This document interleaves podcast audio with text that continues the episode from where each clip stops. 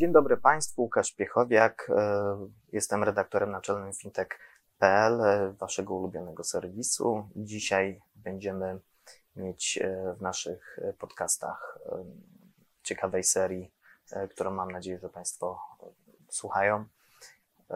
Nowego gościa, którym jest pan Piotr Serwin z Fintech Trends Polska.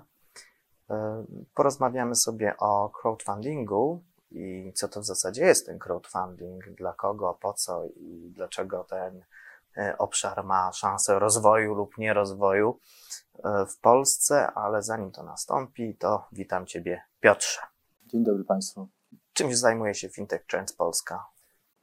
E, jako Fintech Trends Polska organizujemy cykliczne, mniej więcej co 6-7 tygodniowe spotkania dotyczące różnych aspektów, różnych segmentów szeroko pojętego fintechu.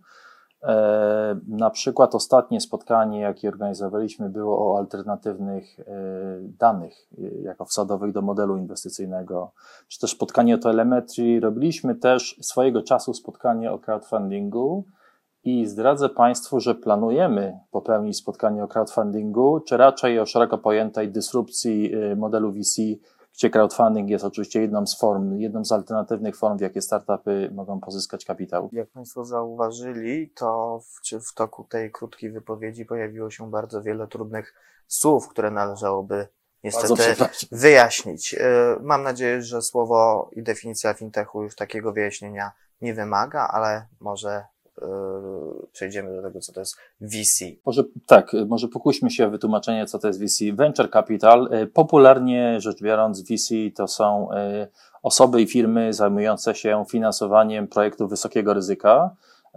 Jest to skrót od venture capital, angielskiego pojęcia. Dlaczego venture? Dlatego, że branża venture capital powstała, o ile mi wiadomo, w XIX wieku w Stanach Zjednoczonych, żeby finansować wyprawy wielorybnicze, tak? Stąd venture.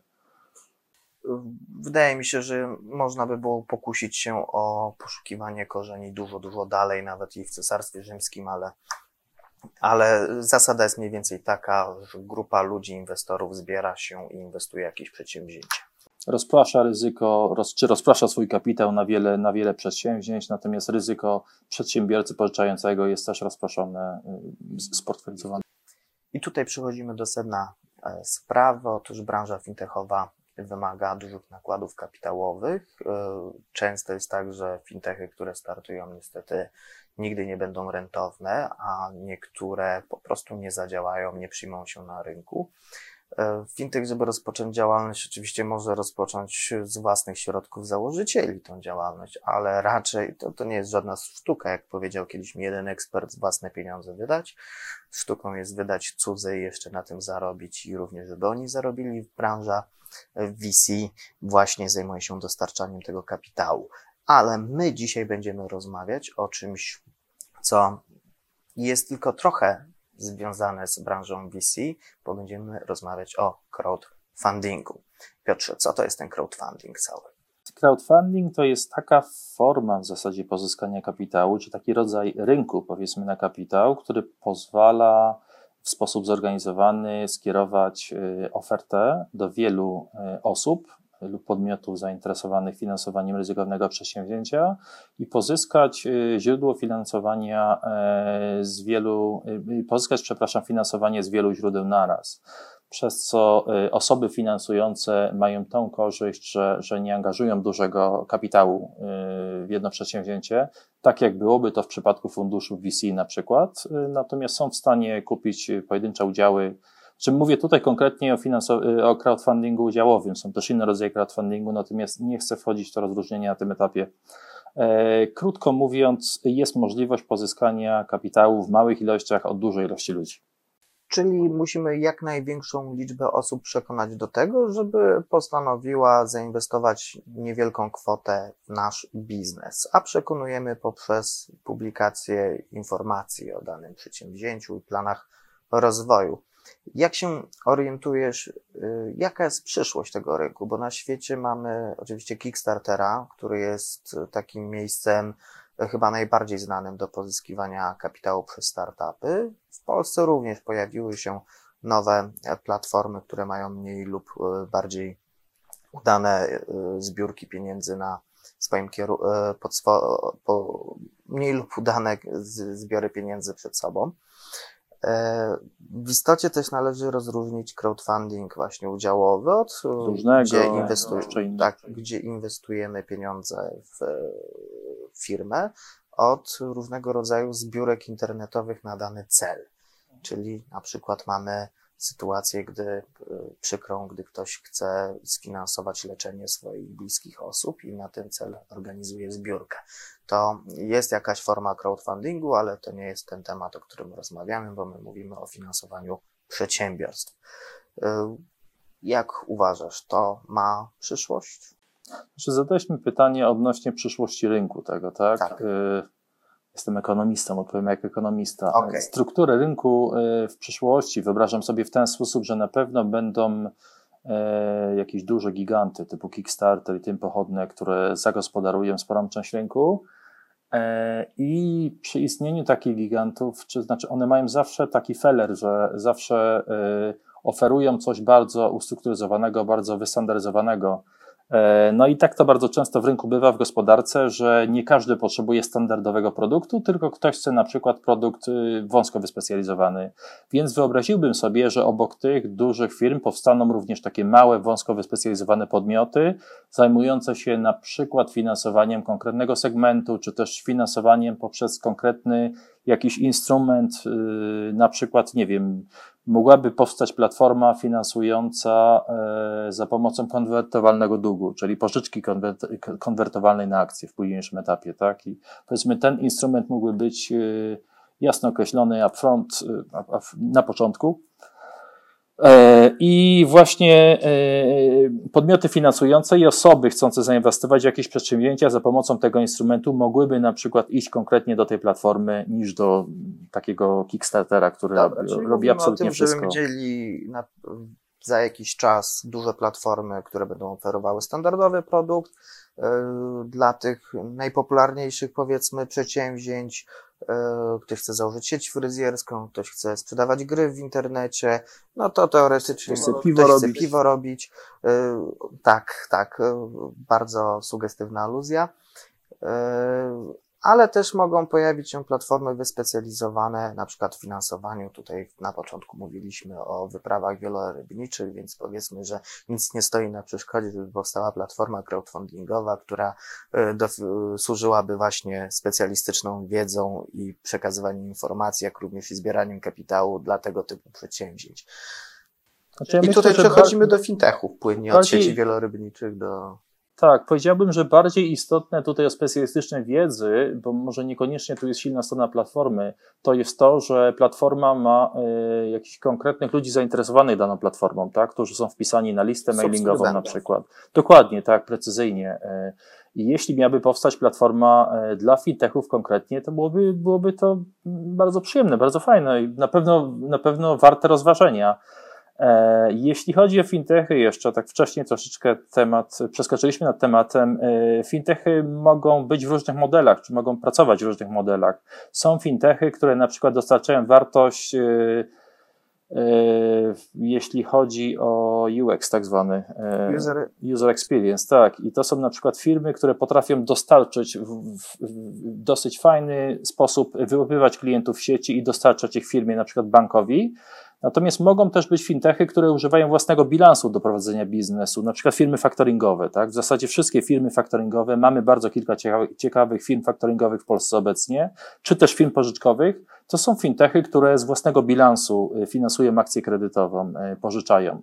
I te firmy na przykład mają dużo, dużo wyższe potrzeby kapitałowe niż powiedzmy firma, która jest tylko takim y, UX-em, załóżmy, czyli tak, takim pośrednikiem doprowadzającym do faktycznego już podmiotu finansującego później. Tak, e, dlaczego? Dlatego, że te firmy handlują to specyficznym towarem, czyli pieniądzem. Żeby móc obracać tym, sprzedawać ten pieniądz, to niestety... Niestety trzeba go dużo, trzeba, na pewno nie mało, tak. Trzeba, trzeba go dużo, bo sama taka firma może nie być mocno kapitałochłonna, ale mimo wszystko ten portfel musi się z czegoś składać, a składa się on z pieniędzmi, z pieniędzy. Inaczej jest, kiedy mamy fintech, który zajmuje się, tak jak wspomniałeś, dostarczaniem jakichś e, rozwiązań dla innych fintechów, dla innych. e, Na przykład credit scoring. Może być platforma credit scoringowa, która tylko i wyłącznie, powiedzmy, za pomocą API e, zbiera pieniądze użytkowniku, czy, przepraszam, bierze informacje o użytkowniku, czy jego, jego dane z Oni jednej platformy. informacje od tak. użytkowników, a potem dopiero Dostarczają. zbierają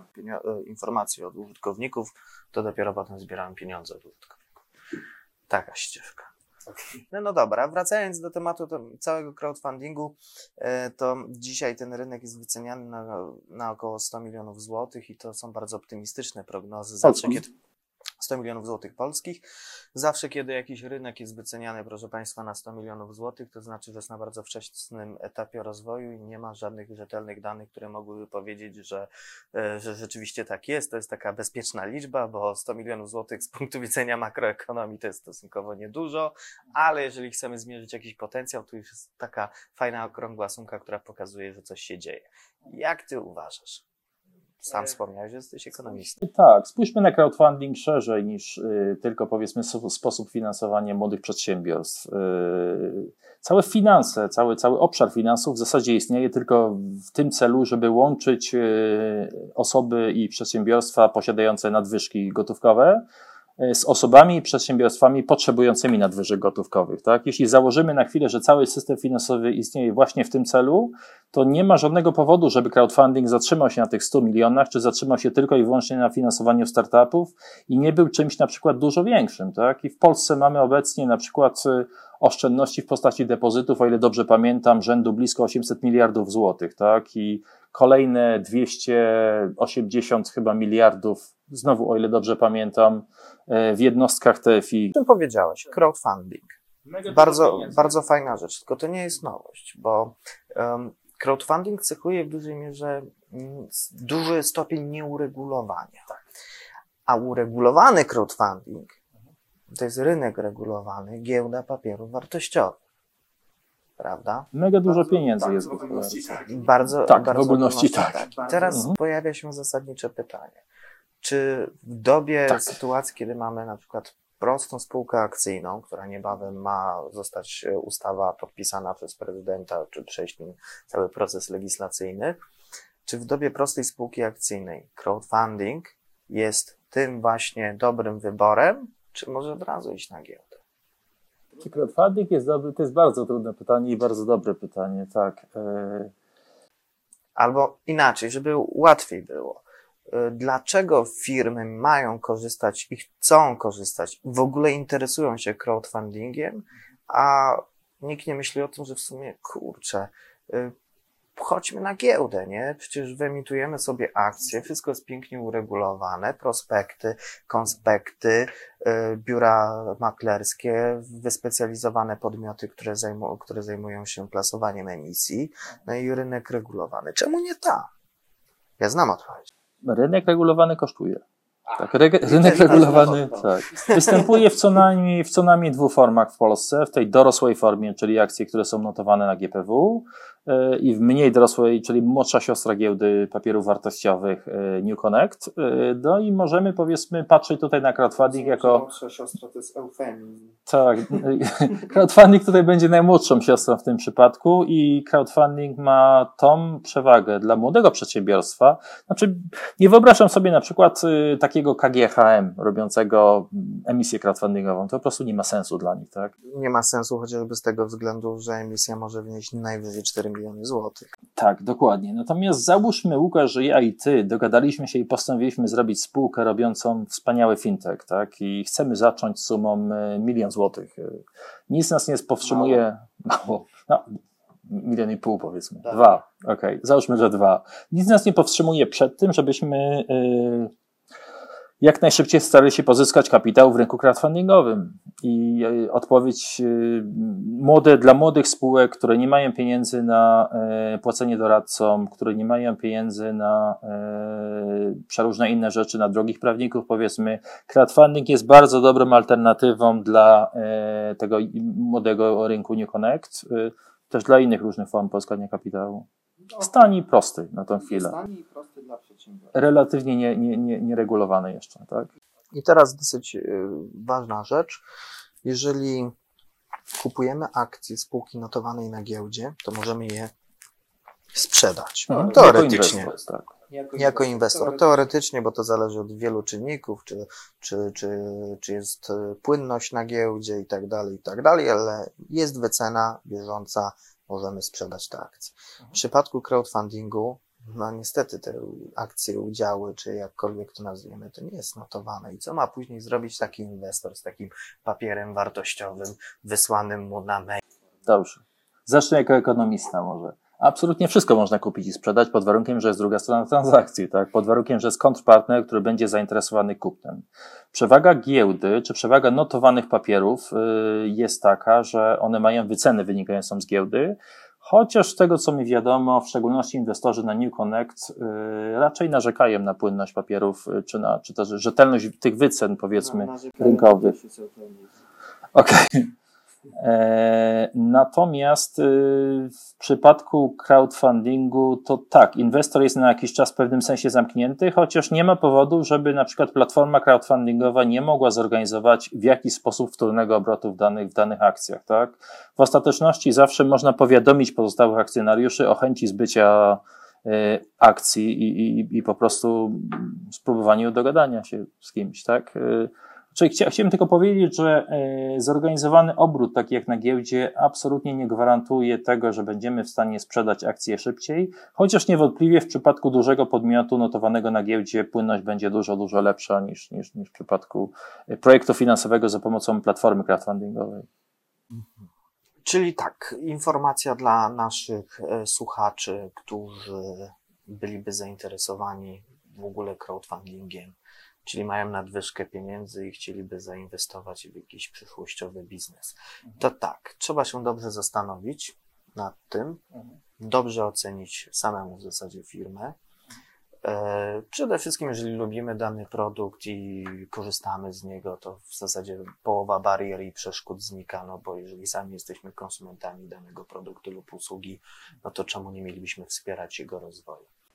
Znaczy jeszcze chciałbym tutaj na tyle powiedzieć, że jeśli chodzi o inwestowanie w młode spółki, y, dużo, dużo istotniejszym czynnikiem tego, czy spółka przyniesie zysk, czy nie, jest y, zespół i motywacja zespołu.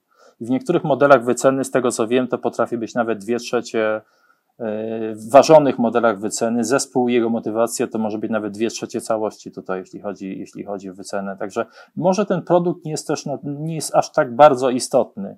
E, natomiast zdecydowanie e, poleciłbym każdemu zainteresowanemu inwestowaniem poprzez platformy crowdfundingowe, by starał się e, dowiedzieć maksymalnie dużo na temat, na temat zespołu prowadzącego, jego motywacji, i oczywiście na temat produktu też jak najbardziej. Okej, okay. czyli tutaj jeszcze raz, raz mówiąc, crowdfunding jest to nowa forma inwestowania, nie taka nowa, która myślę, by, no nie taka no, nowa. Teoretycznie ale... każdy żebrak jest crowdfunding. Tak.